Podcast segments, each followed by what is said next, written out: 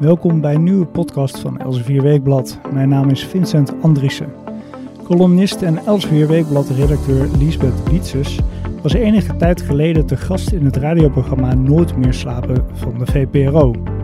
Ze werd geïnterviewd door Pieter van der Wielen. Luistert u naar een boeiend uur met en over Liesbeth Wietses. Laten we gewoon bij het, bij het begin beginnen. Ja. Waar je bent opgegroeid. In ehm, het lommerrijke dorp Bloemendaal. Bloemendaal is, Ja. is, is een omgeving die te boek staat als ziek en welvarend. Klopt helemaal. Ja, Wa- waren jullie ook ziek en wij welvarend? waren enorm chic. Nee, nee, nee, nee. Wij, wij, ja, nee. wij waren een beetje uitzonderlijk. Want ik ben, ehm, daar heb ik ook wel eens over geschreven, gereformeerd opge, opgegroeid. En wij woonden dus, vonden wij zelf, tussen de heidenen. Want die gingen elke zondagochtend hockeyen. Terwijl wij, zoals het hoorde, naar de kerk gingen. Dus wij passen daar eigenlijk niet helemaal. Maar het is natuurlijk wel heel erg mooi. Dus ja, Bloemendaal. Wat kan je er verder van zeggen? Het is keurig en nog steeds. en, Prachtig het, en het is mooi. Ja. En je zit in de Bollenstreek. En, nee, eh, het is niet een bolle streek. nou, als je een beetje fietst, dan, Ja. dan zit je erin. ja, en dicht bij de zee. Dat is heel erg leuk natuurlijk. Vond je het jammer dat je niet mocht hockeyen op zondag? Ehm, nou, ik, ik, kan me, ik dacht er net aan toen, ik hier naartoe, hier naartoe reed. Ik, toen ik heel jong was, mocht, ik heel veel, mochten mijn zusje en ik heel veel dingen niet. Wij mochten geen broek aan op zondag en mochten geen ijsjes eten. En moesten zelfs in het begin nog twee keer naar de kerk. Maar mijn ouders werden, we gingen gewoon mee met de ontwikkelingen. Dus die, die waren heel werelds eigenlijk. Dus eh, na een tijdje mocht ik al die dingen wel doen. En mocht ik ook hockeyen, maar dat vond ik op zich weer helemaal niks. Want ik vind sport helemaal niet interessant. En ik deed het ook niet met veel plezier. Ik vind het een hele onnatuurlijke sport. De kerk is ook veel veiliger dan het hockeyveld. Ja, maar wel saai ook hoor. De, kerk, is, is ja. wel saai, maar, Ja. maar je, je, je krijgt geen blauwe plekken en je Nee, verliest en er hockey geen is echt, je loopt krom, je staat met zo'n ding te zwaaien en die ballen zijn keihard. En het, ik vond het eigenlijk niet zo'n hele leuke bezigheid. Heb je, heb je wel eens heimwee gehad naar, naar die georganiseerdheid van je jeugd? Ja, nog steeds wel, denk ik. Ja, je wist natuurlijk precies. Ik groeide echt op in een tijd waarin je een, een- als kind in een eigen wereld leefde. Dus je ouders die waren ergens eh, hun ding aan het doen. En wij deden het onze. En er was eigenlijk heel weinig bemoeienis van die ouders met ons. Dus wij, wij de- haalden allerlei kattenkwaad uit en wij speelden tot zes uur buiten. En eh, die ouders die, ja, die wisten eigenlijk heel vaak ook niet waar we waren, wat we aan het doen waren. Dat, dat, ik denk dat ik dat wel heel erg. Dat, het is niet helemaal je vraag, maar ik vond dat heel erg leuk aan mijn jeugd. De vrijheid De vrijheid. Ja, die samenging met verveling. ja ook wel verveling, maar ook. eh, ja, je, je, je had een eigen wereld van kinderen. Waar volwassenen eigenlijk helemaal geen rol speelden. Tot, tot je twaalf was. En toen was het een beetje, dan wordt het een beetje anders. Maar die zondagen, twee keer naar de kerk, later Ja. één keer naar de Ja. kerk. En verder mag je dan ook niet zoveel. Dan- Nee, wat, wat maar je je mocht wel verder? een zondagse jurk aan. Dat was weer heel erg leuk. Dus je, je mooie jurk. En we gingen we ja, bij andere mensen koffie drinken. en dan gingen mijn zusje en ik ze probeerden er tussenuit te, te, te kruipen en gingen iets anders doen. Dus ergens spelen of zo. Maar het was, ik, ik vond het in de kerk zijn heel erg saai.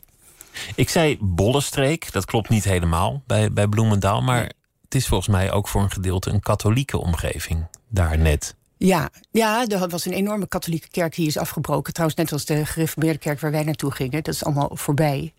Maar wij, eh, ik zat op een eh, gereformeerde kleuterschool. En naast ons daar heb ik een column over geschreven. En naast ons was een katholieke school. En die scholen werden de- gescheiden door niks, alleen door een pad. Maar we gingen totaal niet met elkaar om. Dat Je was keek echt... niet eens naar ze. Nee, nee, want zij vloekten en zij, eh, zij logen. Dat leerden wij. Waren niet te vertrouwen. Nee. Dus je versnelt je pas en je richt Ja. je blik de andere kant op. Ja. En je blijft in je zeil. Ja, het was het, ja, het was het staartje van de zuil. Ja, onvoorstelbaar. Heel kort geleden eigenlijk. Heb je zelf geloofd in de heren? Ik denk toen ik klein was wel. Maar ik zou het nog steeds heel moeilijk vinden om keihard te zeggen dat ik helemaal in niks geloof. Er is nog wel een soort hoop dat er misschien ergens iets is. Ja, maar wat dat dan is, daar, heb ik, daar denk ik ook helemaal niet meer over na. Want op een bepaald moment ben je daar gewoon over uitgedacht. Dan is het geen thema meer, bedoel Nee, je? nee, dan denk je van nou, ik heb hier nu zo lang over nagedacht en ik kom er toch niet uit. Dus ik ga daar nu niet meer over nadenken. Dat heb je mooi gezegd, want je komt er ook niet uit natuurlijk. Nee, nee, het heeft gewoon geen zin om je daar heel erg mee bezig te houden. Misschien als je doodgaat dat er dan iemand komt die het allemaal uitlegt. Maar ja, maar ja. dat denk ik Ja. dan weer niet. Maar Nee. vooruit, dat zie je dan wel weer. Ja, ja, precies. En dat kan je dan weer niet doorvertellen. Dus daar heb je dan ook weer niet zoveel aan. En als je dan het verkeerde paard hebt gewet, is het, is het te laat. Ja, Misschien wel. Ja, ja, ja. Dat is, ook, dat is ook zoiets. Ja, dat zou heel vervelend zijn. Ja. Het valt, het valt samen met, met de tijd waarin je opgroeit. Dat je ouders eerst twee keer naar de kerk gaan, dan één keer naar de kerk. Dat, dat, dat het geloof een beetje verdwijnt, dat de vrijheid komt, dat het hockey ineens wel mag. Ja. en, en bij jou is dat geloof ook een beetje langzaam weggecijpeld. Ja, ik ga nooit meer naar de kerk. Ehm, ik heb mijn kinderen niet religieus opgevoed. Ik lees niet, ik heb ze niet voorgelezen uit de Bijbel. Dat, heb ik zo, dat vind ik eigenlijk jammer, want je, je, je, ik, ja, je krijgt wel iets op cultureel gebied mee natuurlijk. Hè, als je een beetje bijbelvast bent. Maar ja, ik heb dat. Uh, die inspanning heb ik uh, niet gedaan. Uit luiheid, denk ik vooral. En de, en de andere waarden, los van het geloof? Spaarzaamheid en deugdzaamheid. Ja, en ja dat vind ik allemaal heel goed. Bescheidenheid en ijver. En, uh, dat... Zit het er allemaal nog? Ja, maar het is, ja, je weet nooit of, of je dat van het geloof hebt of dat je zelf zo bent. Maar dat, dat heb ik allemaal wel een beetje, denk ik. Spaarzaamheid is misschien iets te weinig. maar ik vind bijvoorbeeld hard werken heel erg fijn. Ik vind het heel vervelend om, uh, om uh, een dag te weinig te doen te hebben. Dus ik ben een enorme nijver bijtje. Het zit ook wel in, in je columns, dat, dat, dat wereldbeeld van toen gekoppeld aan nu. Dat, dat je vanuit een andere tijd die je ook hebt, hebt gezien en meegemaakt, kijkt naar het heden. En daardoor kunt relativeren. Ja, vind je dat? Ja, het, het komt af en toe terug in, in jouw stukken. Ja, je noemde al het stuk over, over de school en, en, en dan de groepen die zich laten splijten, zo vrijwillig. Nou ja, je, ik, ik ben 61, dus je kijkt dan. We hebben toch een hele leven om op terug te kijken. Dus in een column grijp je daar natuurlijk, of tenminste natuurlijk, dat is logisch dat je daar dan een beetje op teruggrijpt. Maar ik wil het niet al te veel doen, want dan word je zo'n ontzettende uh, zuur over. Vroeger was het allemaal zo geweldig. Dat vind ik helemaal niet. Nee, maar dat bedoel ik ook niet eigenlijk. Een, een stuk waarin je helemaal niet je jeugd aanhaalt of, of, of, of je opvoeding, maar, maar je hebt het bijvoorbeeld over de, de gedachte, die ook in de wetenschap wel naar voren komt. Ja. Of meer keuze altijd gelukkig maakt. Ja. Of schaarste niet een betere bron van geluk is dan overvloed. Ja. Dat, ja. En dat is, een heel, dat is een heel mooie vraag. Ja, oké. Ja, ik, ik, ja, ik ervaar dat zelf.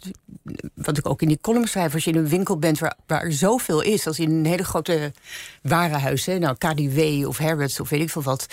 Dan denk ik altijd van tevoren. Nou, ik ga nu eens even echt heel erg uh, geweldige dingen kopen. Want hier is alles. En ik ga er binnen. En binnen tien minuten ben ik gewoon.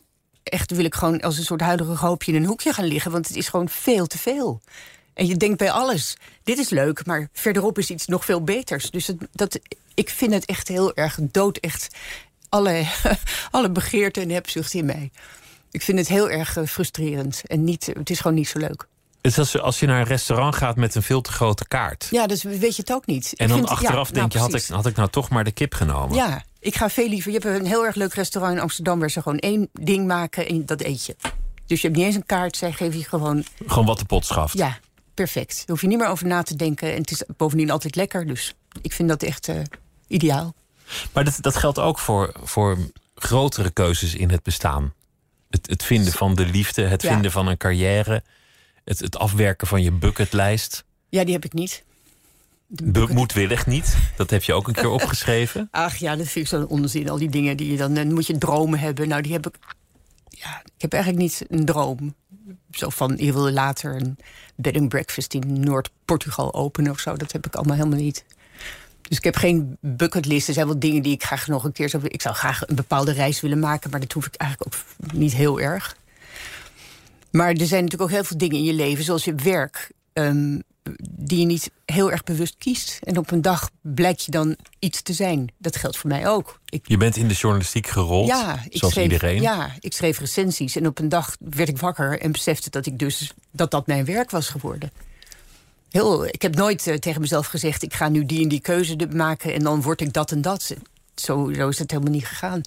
En ook al maak je die keuze en ook al, al maak je die, die lijst van waar je wil zijn, dan zal het toch anders lopen, vermoed ik. Heel vaak wel, ja. En dan kan je natuurlijk heel erg lang gaan nadenken over hè, de, de weg die je niet gekozen hebt. En hoe dat dan was geweest. Maar dat is ook zoiets, ja, dat weet je niet. Dus moet je ook niet heel erg veel tijd aan besteden, denk ik. En het geluk zit niet in een bucketlist. Va- Nee. Vaak zetten mensen ook dingen op een bucketlist. Dan zeggen ze van nou, ik wil nog één keer bungee jumpen. Ja, En, verschrikkelijk. en dan is mijn leven geslaagd. Nou, als, als dat zo zou zijn, zou ik zeggen, dat lijkt me sowieso iets verschrikkelijks. dan hoor. hoeft ze mij dat, dat, dat touw ook helemaal niet ergens aan vast te maken. Als je geluk daarin zit, toch? Bungee jumpen lijkt me echt de ergste straf die er is ongeveer. Het lijkt me gewoon niet comfortabel. Nee. Nee, nee, Nee, zeker Het is toch niet comfortabel? Nee, maar al die dingen zoals heliskiën of eh, al dat soort... eh, lijkt me ook allemaal heel erg naar en eng. Je bent wel netjes naar de Vrije Universiteit gegaan. Ja. Dus, dus in een zekere zin heb je wel het, het pad gevolgd... Ja. Dat, dat was uitgestippeld door je achtergrond. Ja, dat is waar. Maar ik was ook heel braaf, tot op zekere hoogte. Ik, eh, ja, ik, ik ben ook opgegroeid in zo'n tijd waarin je gewoon deed wat je ouders... min of meer deed wat je ouders vonden dat je doen moest.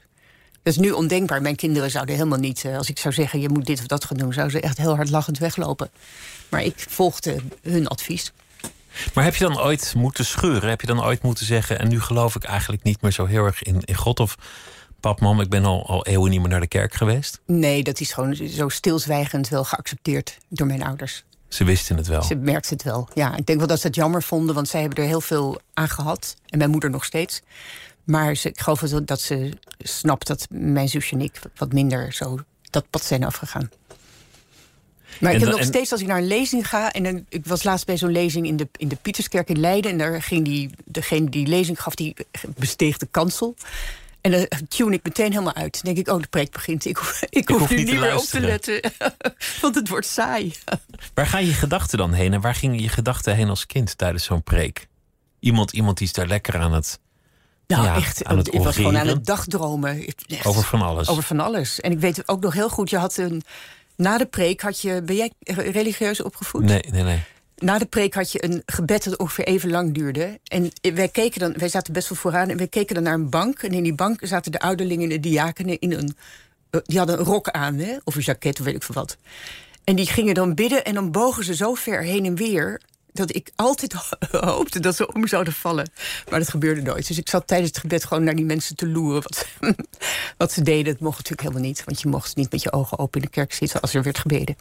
En werd er nooit iets over gehoord? Van waar ging de preek eigenlijk over, Nee. eh, Lisbeth? Nee, dat, dat werd nee. nooit gedaan. Ik kan me ook goed herinneren dat mijn ouders, vooral mijn vader, altijd heel opgewekt waren als het weer achter de rug was. het, is, het is prachtig. Ja, Maar dan op een zeker ogenblik moet je ook stappen ondernemen binnen een geloof. Dan, ja dan moet je beleidenis doen. Belijdenis Ja, doen, ja. bijvoorbeeld? Dat heb ik niet gedaan.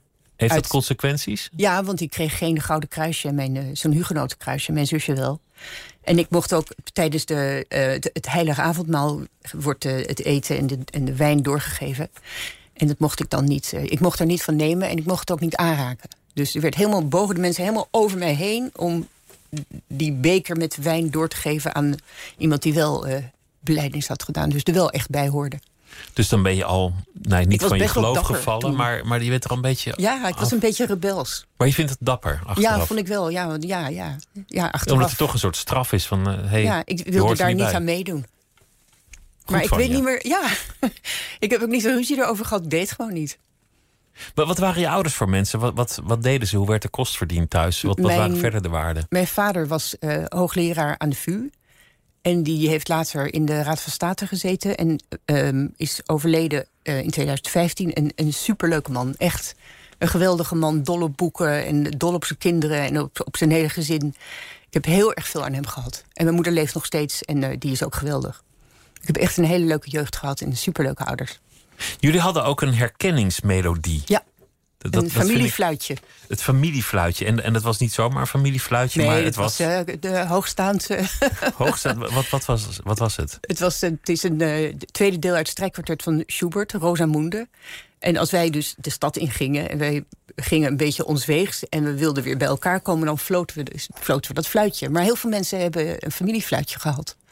Ik wist dat helemaal niet. Ja, ja, ja. Want ik, ging, ik wou er een column over maken, toen ging ik zoeken en toen zag ik dat het, familiefluitje gewoon een bestaand iets is. Op wat voor moment zet je dat dan, dan in? Nou, bijvoorbeeld eh, als je in de, een grote winkel bent en eh, je ziet elkaar niet meer, dan ging je dat dus keihard fluiten. En dan wisten de anderen, oh, oh daar is, is ja, een... ja, eh, ja, maar heel veel mensen keken dan echt zo van, wat gebeurt hier? Maar je hoort het, ik heb het ook niet doorgegeven aan mijn kinderen... want nu heb je een mobiele telefoon en die heeft dit natuurlijk... het familiefluitje ten gave gedragen, het is niet meer nodig. Dus nu app je even, of je belt even. Eeuwig jammer. Maar dit, dit zou ook een mooie ringtoon zijn. We gaan luisteren naar een, een, een stuk van dat, eh, dat kwartet van, eh, van Schubert. Rosamunde.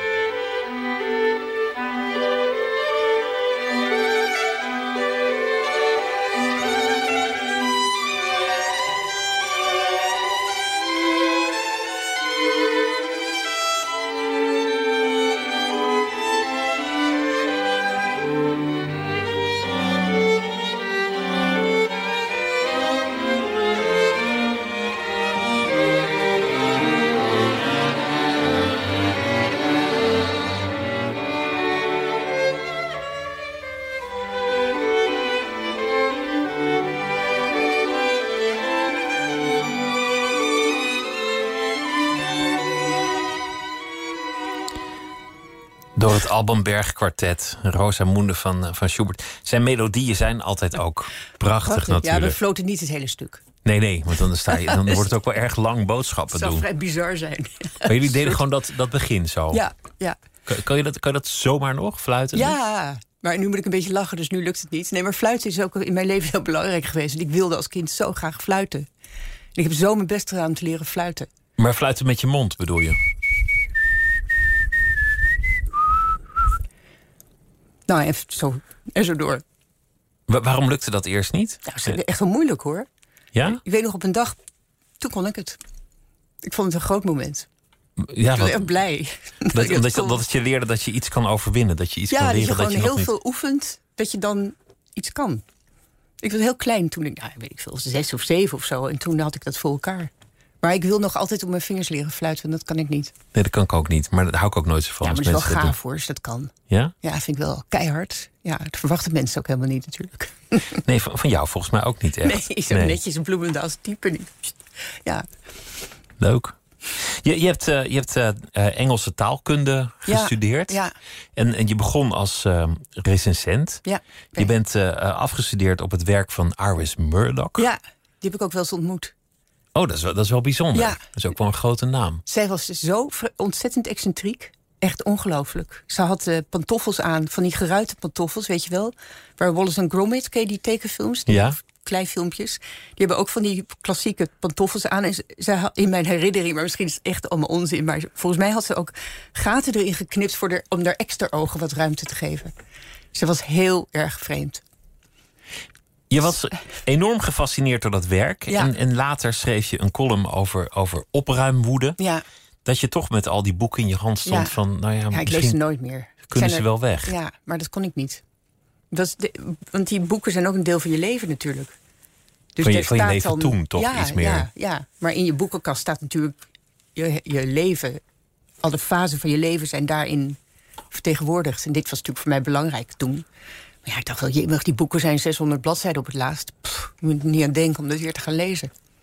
Wat is dat? dat? Dat op een zeker ogenblik iets je zo fascineert... dat je daar jaren in, in vastbijt. ja, dat appelleert op die leeftijd. Ik vond het heel ik vond het interessant aan haar werk toen.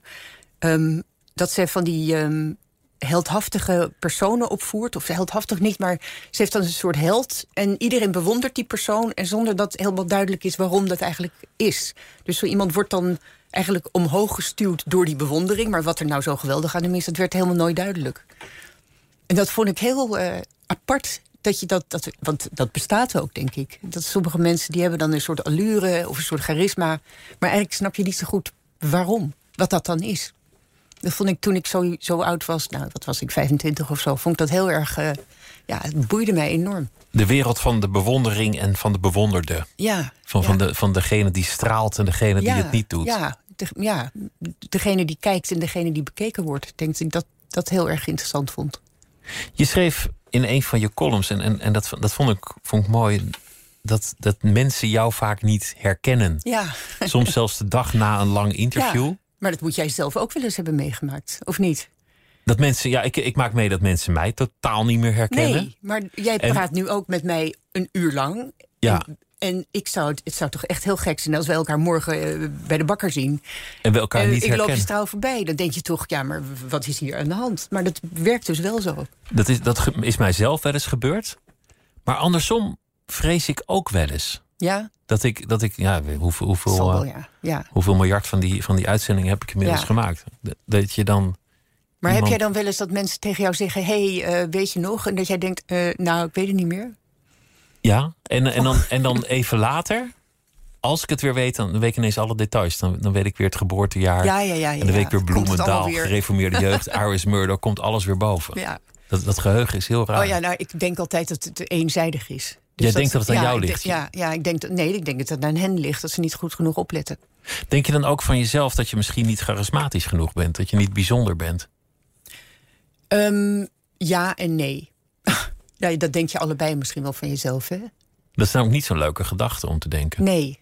Nee, je, wordt heel, je voelt je dan wel een beetje een nederig persoon. Maar goed, als gereformeerd mens ben je er toch al van doordrongen dat je nederig bent. Maar ik, heb, ik denk heel vaak als je iemand interviewt... dat, dat mensen jou zien als een soort pen. En hè, je bent gewoon een bewegende pen. Eigenlijk ben je niet een echte mens voor die, voor die persoon. Ze zien jou als een medium, maar niet als een, als een mens met een gezin en een leven. Dat ben je niet voor ze. En misschien hoeft dat ook helemaal niet. Het is gewoon, ja, zo werkt dat vak. Een doorgeefluik ben je. Ja, een boodschapper. Ja, ja. Vroeger zei ik dan ook niks. Nu zeg ik wel eens tegen mensen van... hé, hey, we hebben laatst nog eh, twee uur met elkaar zitten praten, één op één. En dan zijn ze altijd heel beschaamd. Net goed. Dat zijn, dat zijn vaak ook politieke interviews geweest die jij hebt gedaan. Ja. En in, in die wereld meen ik dat ook wat meer te zien. Ja. Dat mensen toch wel erg op de, de ogen op de bal hebben. Ja, en niet ja die willen iets. Die willen iets, die willen iets in de wereld. Ja, en die gebruiken jou daar dan voor. Maar dat weet je dus. Dat is niet een, uh, meestal niet een, uh, laten we zeggen, warm menselijk contact wat je dan, uh, wat je dan hebt. Ik hoor het vaak van mensen die, die op iets latere leeftijd doorbraken met wat ze deden, bekend werden, dat het dan verschil maakt. Dat ze dan ineens gezien worden. Niet worden overgeslagen, ja, wel nou, de beurt krijgen. Ja, nou, ik las een keer een interview met Anniette van der Zeil en die zei ook zoiets. Die zei: Nu, ben ik plotseling um, degene die voor feestjes wordt gevraagd en vroeger zag niemand mij staan. En toen dacht ik: Dat is nou precies zo, zo gaat dat dus. Jouw, jouw geliefde, die, die is tegenwoordig minister, ja. meneer uh, Grapperhuis. Vandaag uh, groot in het nieuws. Ja. Met iets dat eigenlijk volgens mij helemaal geen nieuws bleek dan toch. Maar misschien begrijp ik het weer niet. Maar goed, hij, was, er was ophef, want iemand was boos en iemand was toch niet boos. Ja, het is altijd gedoe. Er was altijd gedoe. Ja. Maar dan maak je dat waarschijnlijk ook mee. Dat, dat iemand ineens excellentie wordt en dat daardoor alles verandert. Ja, dat, ja, dat is wel. Ja, je, hoe zal ik dat nou zeggen? Je wordt er wel wat, misschien voor sommige mensen wat interessanter door. Jij zelf ook? Ja. Als ministersvrouw? Ja. ja. ja, zo werkt het denk ik wel. Dat is, dat is helemaal geen leuke titel, ministersvrouw. Toch? Nee. Maar ik denk, ja, nee, zo zie ik mezelf ook helemaal niet hoor. Ik Gelukkig maar. Ja, ik weet ook niet wat het dan is. Wat ben je dan? Maar je bent wel opgehouden met over politiek schrijven ja, daardoor. Ja, ja. Je dacht dat dat, dat, dat nee, wordt raar. Nee, je moet, niet, uh, je moet dat echt heel erg ver uit elkaar... Dat wilde ik echt zelf ook. Hè? Dus mijn hoofdredacteur heeft niet tegen mij gezegd... het mag nou niet meer. Maar je moet die dingen heel erg uit elkaar halen. Je moet, want ik wil niet dat mensen op de redactie denken... oh, zij weet iets en ze wil het niet zeggen. En ik wil ook niet dat, dat Vert denkt... oh, zij weet iets van de redactie. Maar dat soort dingen moet je echt... zodra zijn naam valt op de redactie... dan uh, ga ik uh, een eindje verder staan. Ik wil niks... Uh, dat moet absoluut niet door elkaar heen lopen. En dat voelde niet als een, als een verlies of een nederlaag... dat jij iets moest opgeven ik voor, vond voor geen zijn nederlaag, loopbaan? maar ik vond wel een verlies. Ja. Ik vond het heel erg leuk om die interviews te doen. En ik vond die politieke portretten zo mogelijk nog leuker. Maar iedereen moet af en toe een offer brengen. Dus dat heb ik gedaan. En ik heb er wat voor teruggekregen, dat wist ik toen niet. Maar ik vind die column ook heel erg leuk om te doen. En het leuke van een column schrijven is dat je je eigen mening kan geven. En ik heb natuurlijk zoveel mensen geïnterviewd en naar hun meningen geluisterd. En nu kan ik zelf ook eens zeggen wat ik vind. Dat... Wat is de plaats van jouw column? Hij, hij, hij, staat een beetje aan het eind van het blad. Ja. Elsevier heeft een enorme traditie van columnisten. Pim Fortuyn, de, de, de bekendste. Nou, ja, ja. Uh, openjerende columns Ja. van, van, van mensen met, met grote, zware meningen... die, Ja. die het land een, een stuw in de goede richting willen geven. Ja, nou, daar moet je bij mij niet mee aankomen. Dat heb ik allemaal niet. Nee, maar mijn voorgangster Marijke Hilhorst... die heeft een beetje hetzelfde traject afgelopen als ik. Ook interviews en dit. Maar ik schrijf gewoon over... of gewoon, ik schrijf meer, veel meer over huistuin- en keukendingen. Over het leven. Het leven, ja. Over het bestaan. Ik heb helemaal niet de, de behoefte om ehm, allerlei grote gedachten te ontvouwen. Het is wel sociologisch. Het is, het is groter dan alleen je eigen leven. Dan doe je jezelf tekort. Nou ja, ik denk dat je door iets heel kleins ook iets groots kunt laten zien. Tenminste, dat probeer ik. En het lukt natuurlijk niet altijd. Maar soms misschien wel. Maar ik ben niet... ehm, ja, het is echt een... een eh, ik denk dat het echt iets is dat een vrouw schrijft dit soort dingen makkelijker dan... Het is echt een vrouwencolumn. Vind ik zelf. Vind je Mannen, dat? Ja? ja, ja, ja, ja. Mannen die zouden, die, v- ze- ik denk dat die een beetje hun neus voor dit soort dingen ophalen. Die willen liever, de- die gaan meer voor het grote gebaar. Dus eh, die geven dan hun mening over Hongkong en Venezuela. En ik denk alleen maar, het is zo ingewikkeld. Ik bedoel, je eigen land is al zo ingewikkeld. Zo'n ander land, pff. Nou, er is echt, zou er niks over kunnen zeggen. Durven zeggen ook.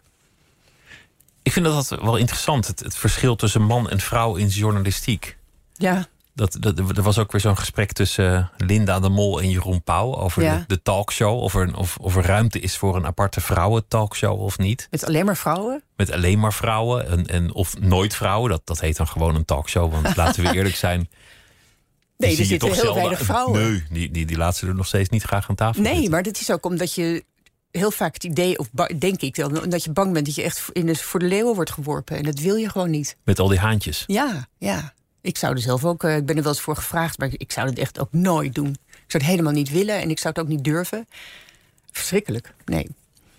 Dat, dat is zeggen alle redacteuren dat weer het probleem is. Dat, dat, dat vrouwen dat dan niet willen. Ja, We bellen ze wel, maar ze, ze willen niet. nee. Ze, ja, ik zou het ook niet, ik, om die reden ook niet doen. Ik zou het heel naar vinden als ik eh, daar werd afgemaakt. Of ik zou dan de volgende dag denken, ik heb het helemaal verkeerd gedaan. En dat sjouw je dan twintig jaar mee.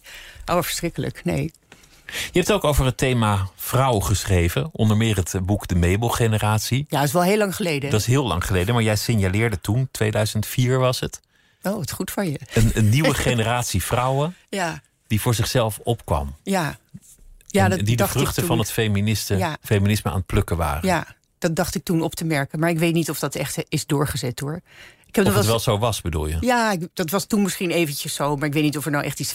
Eigenlijk verandert er natuurlijk nooit zoveel. Toch? Het feminisme heeft natuurlijk... Ja, ik weet niet of die... Ja, ik vind het heel moeilijk te zeggen of dat nou echt zoveel veranderd heeft. Dit waren wel allemaal vrouwen van een bepaalde soort. Ze waren allemaal hoog opgeleid. En ze hadden heel erg veel moeite om hun weg in het leven te vinden. Dat, ze wilden eigenlijk alles. Maar dat is natuurlijk een heel bekend fenomeen. Ze wilden en een carrière, en een man, en een Ja, gezin, en een ja, spannend leven. Ja, en die man moest dan ook precies zo zijn. En het werk moest ook precies zo zijn. En ja, dat maak je het jezelf ontzettend moeilijk natuurlijk.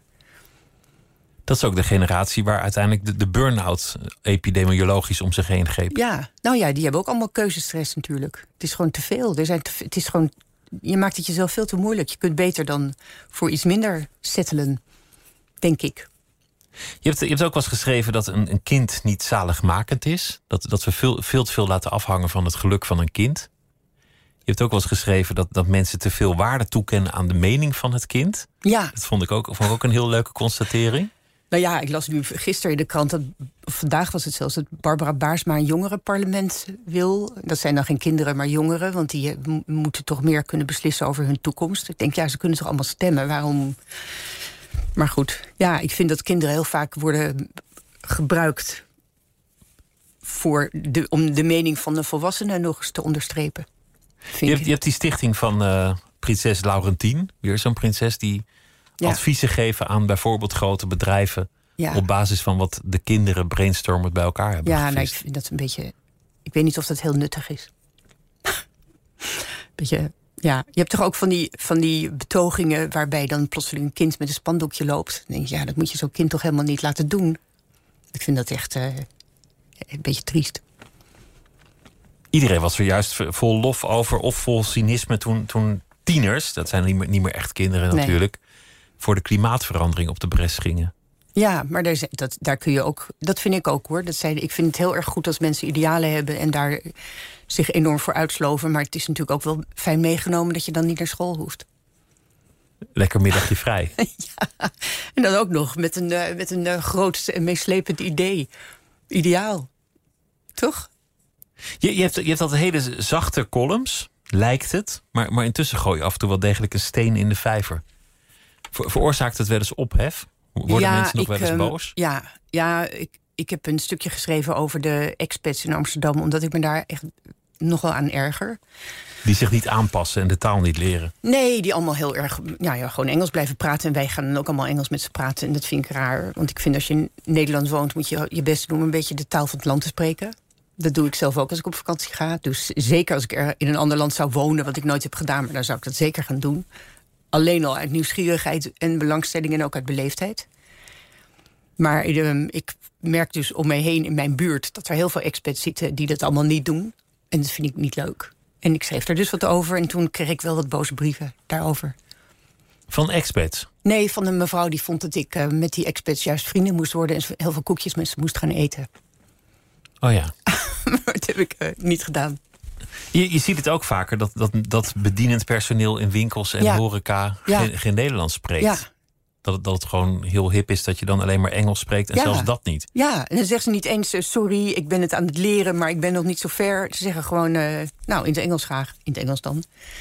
Maar ik zag dat in de Volkskrant daar uh, Mirjam Schusseldreijer daar ook een stuk over heeft geschreven. Dus het, kennelijk leeft het onder meer journalisten. Het thema wordt opgemerkt. Ja, het is gewoon heel veel ook hoor in Amsterdam. Amsterdam is de wereld natuurlijk helemaal niet. Dus het is niet. Het is een beetje, ja, het is echt een heel erg lokaal iets, denk nou, ik. Den Haag is ook volledig geëxpatiseerd. Ja, maar er wonen nog wel meer. Maar in Amsterdam wonen echt heel veel Britten. Nou, er zullen er wel meer worden. Nu ze hun eigen land graag uh, willen ontvluchten, denk ik.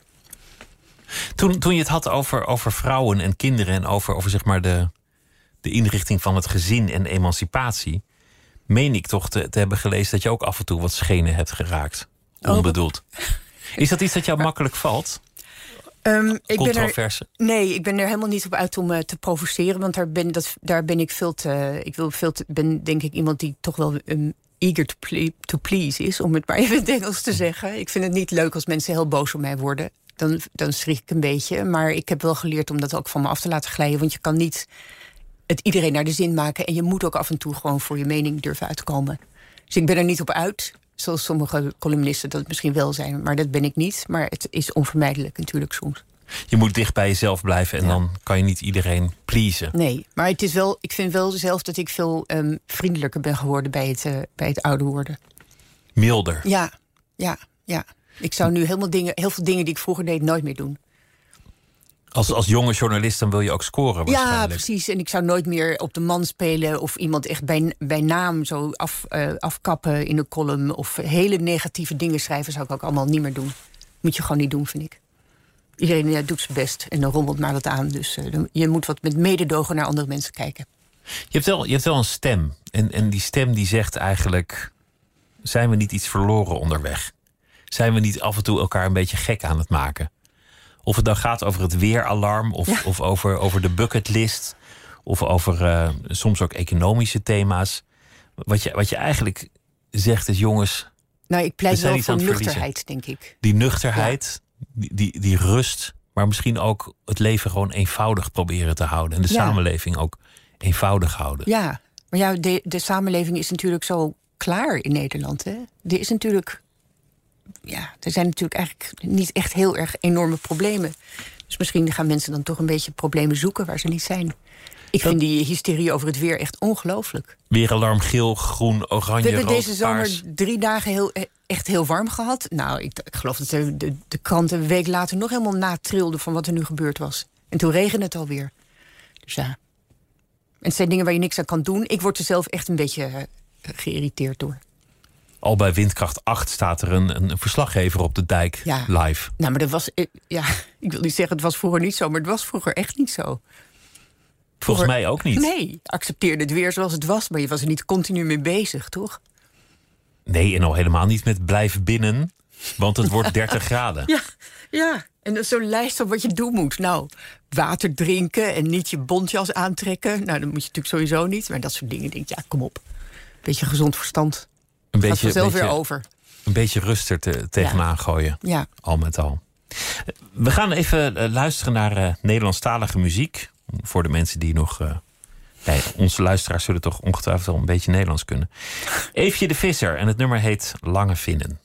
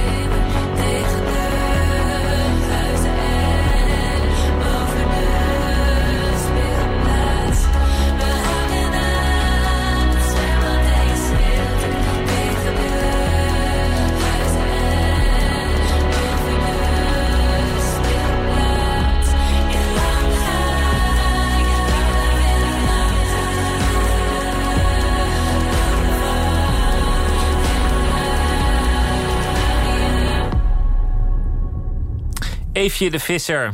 En die heeft uh, een nieuwe single. Lange Vinnen is uh, de titel.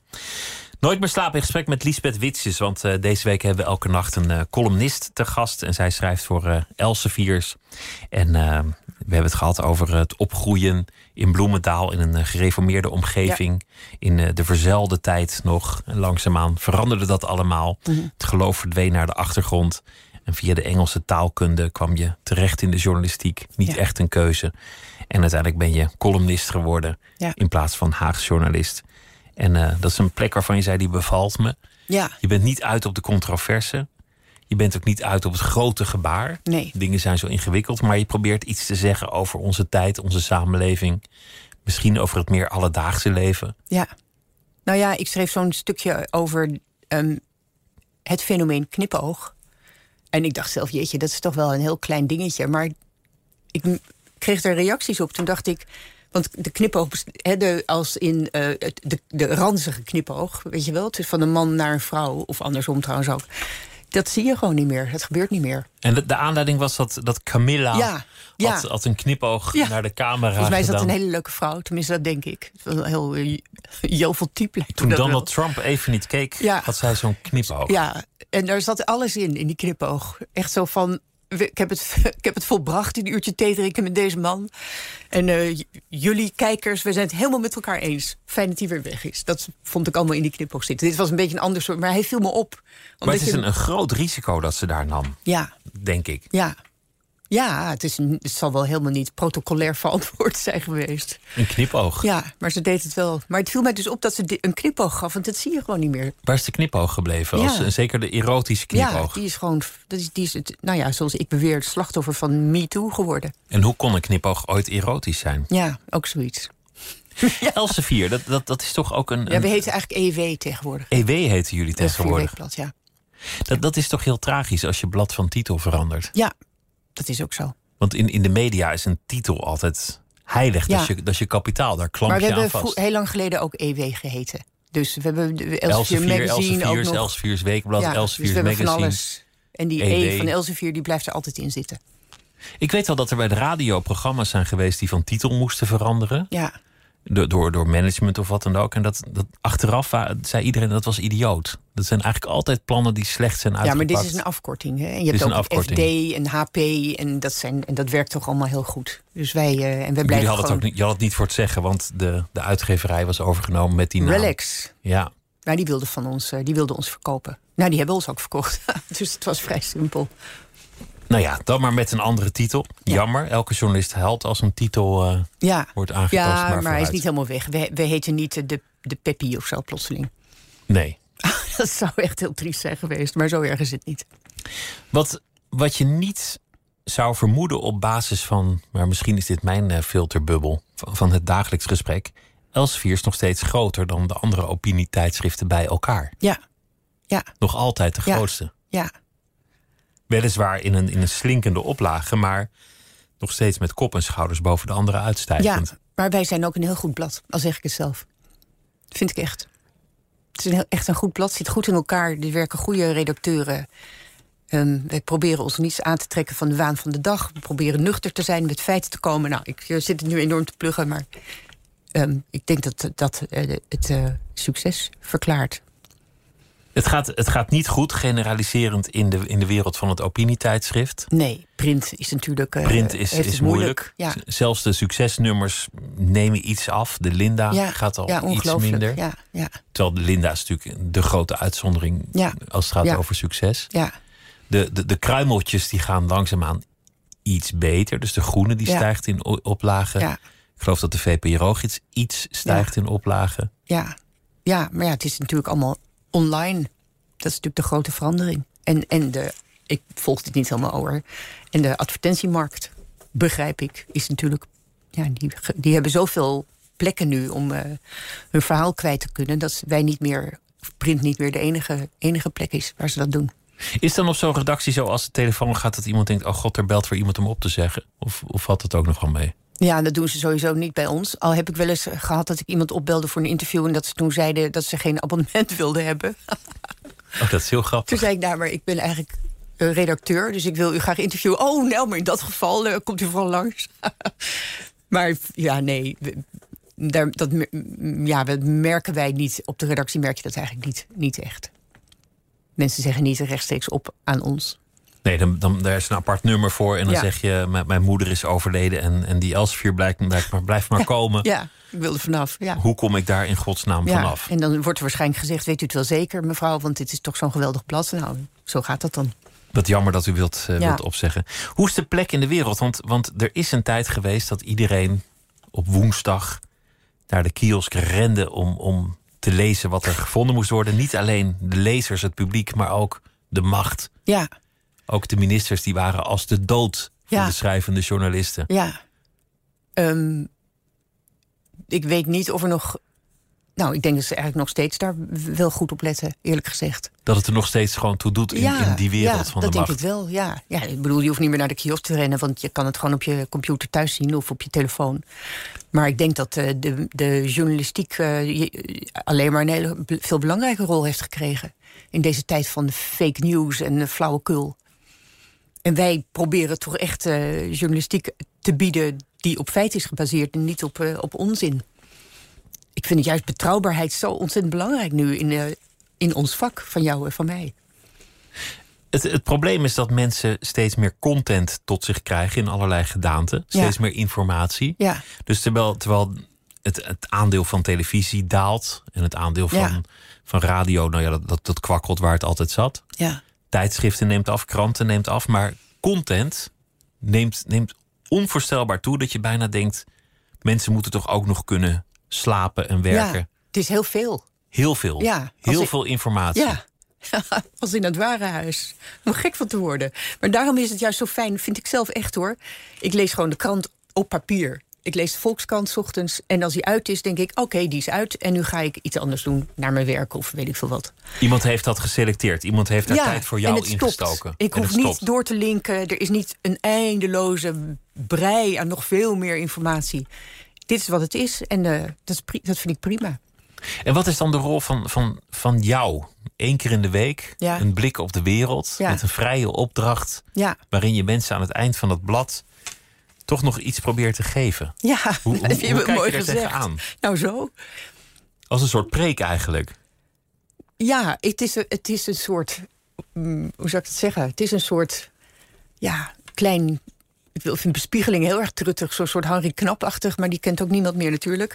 Maar het is een beetje een... Ja, ik, het is heel... eh, ehm, ongezellig vind ik als een blad zomaar afloopt aan het eind. Hè. Heel vaak heb je dan nog eh, de rest stripje? Ja, stripje of, eh, ja, of het colofon of eh, stukjes verhalen van verhalen die eerder in het blad stonden, maar die daar niet pasten.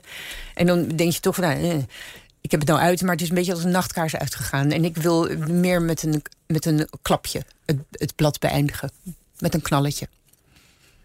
De, de, er is ook nog een ander aspect aan, aan tijdschriften... namelijk dat ze je ideologisch vertegenwoordigen. Ja, En, en gek genoeg zit daar succes voor veel, voor veel media, ook, Mhm. in, ook in het buitenland. Dat mensen het liefst een tijdschrift lezen waar ze het mee eens zijn. ja, Buitengewoon merkwaardige behoeften. ja.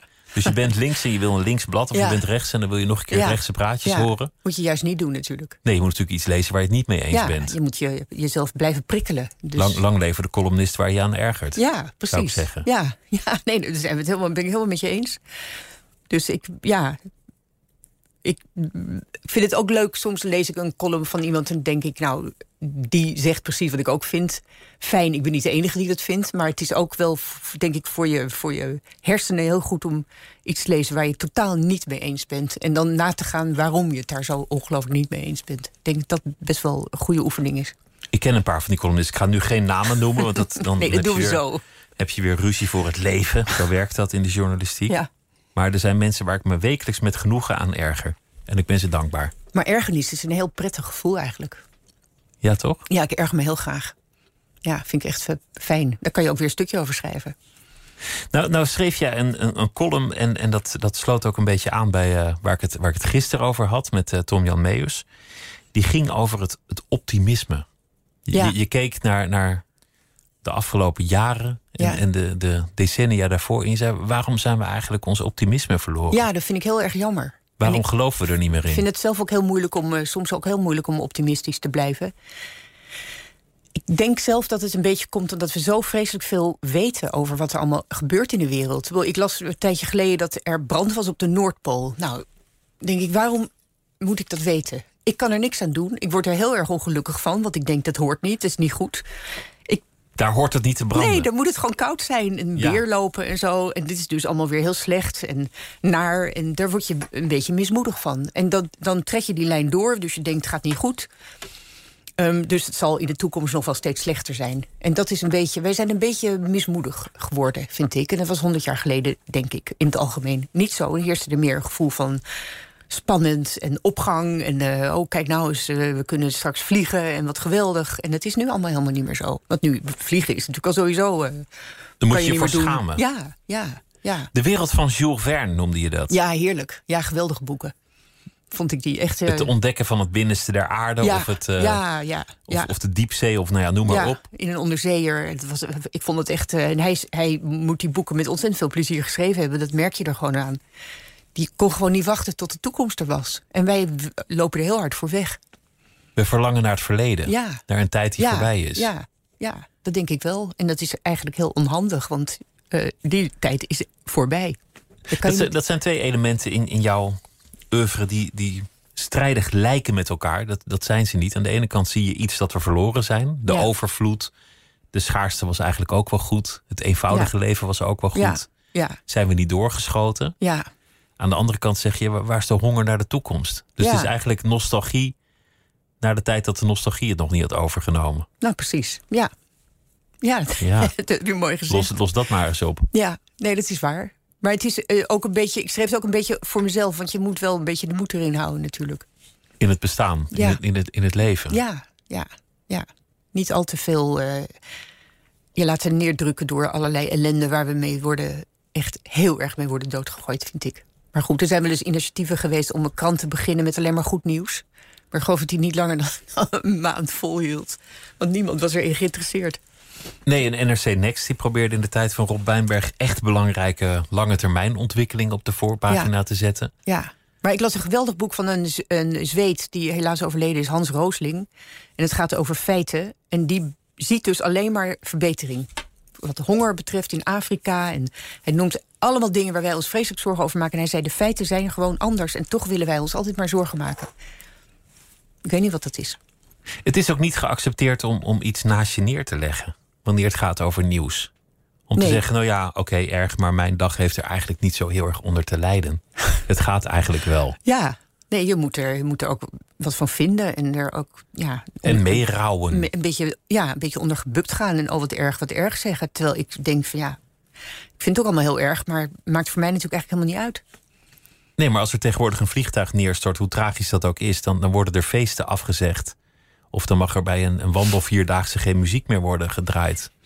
Ja, dat is. Want dat is dan ja, ongepast. Ja. En dat is, dat is eigenlijk raar, want je leven gaat gewoon door. Ja, dat is een beetje nep, vind ik, denk ik. Nep verdriet. Meedoen met, ja, met en andermans het ook heel erg, heel erg uitdragen en etaleren. Terwijl je dat soort dingen, als je het echt heel erg vindt, kan je ook gewoon thuis zitten en in je eentje verdrietig zitten zijn. Hebben andere mensen er tenminste geen last van. Hoe ga je te werk met je, met je column? Hoe, hoe ziet zo'n week eruit? Wanneer moet het ingeleverd? Wat is het moment dat je het schrijft? Heb je daar rituelen in? Nou, Top ik- je daarover? Is, is het een worsteling? Nee, ik vind het heel erg leuk om te doen. Ehm, ik ben er eigenlijk, ik hoop dat mijn hoofdredacteur dit hoort. Ik ben er eigenlijk wel altijd mee bezig. Maar het is ook echt zo. Je moet echt een soort antenne ontwikkelen waarin je de hele tijd, nou als meer als een vuurtoren, dat je tijd zo met zo'n licht rondzwiept in je hoofd, op zoek bent naar een stukje. En als ik dan een idee heb, dan merk ik vaak dat er dat ik associeer dat dan met iets anders en dan ontstaat er dus zo'n stukje. Maar ik vind het echt zo leuk om te doen. Ik, eh, ik, moest nu, ik moet het altijd doen, hè. we hebben geen vakantie. Ja, we hebben, ik heb wel vakantie. Hele jaar door. Hele jaar door. Dus ik ging drie weken weg. Dan schrijf ik van tevoren dus dubbel. Dus schrijf ik er meer. En dan moet dat en dan doe ik het. En dan lukt het ook. Tenminste, dat vond ik zelf. En dan zeg je, ik hoop dat de hoofdredacteur dit hoort. Dat, dat vind ik ook zo mooi. Om- omdat er toch altijd een... Ja, je drukt op cent. En dan is je column weg. En, Ja. en, en hoofdredacties die hebben niet de neiging om ooit op hun eigen content te reageren.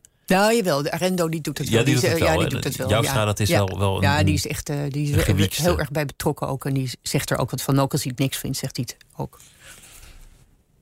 Soms.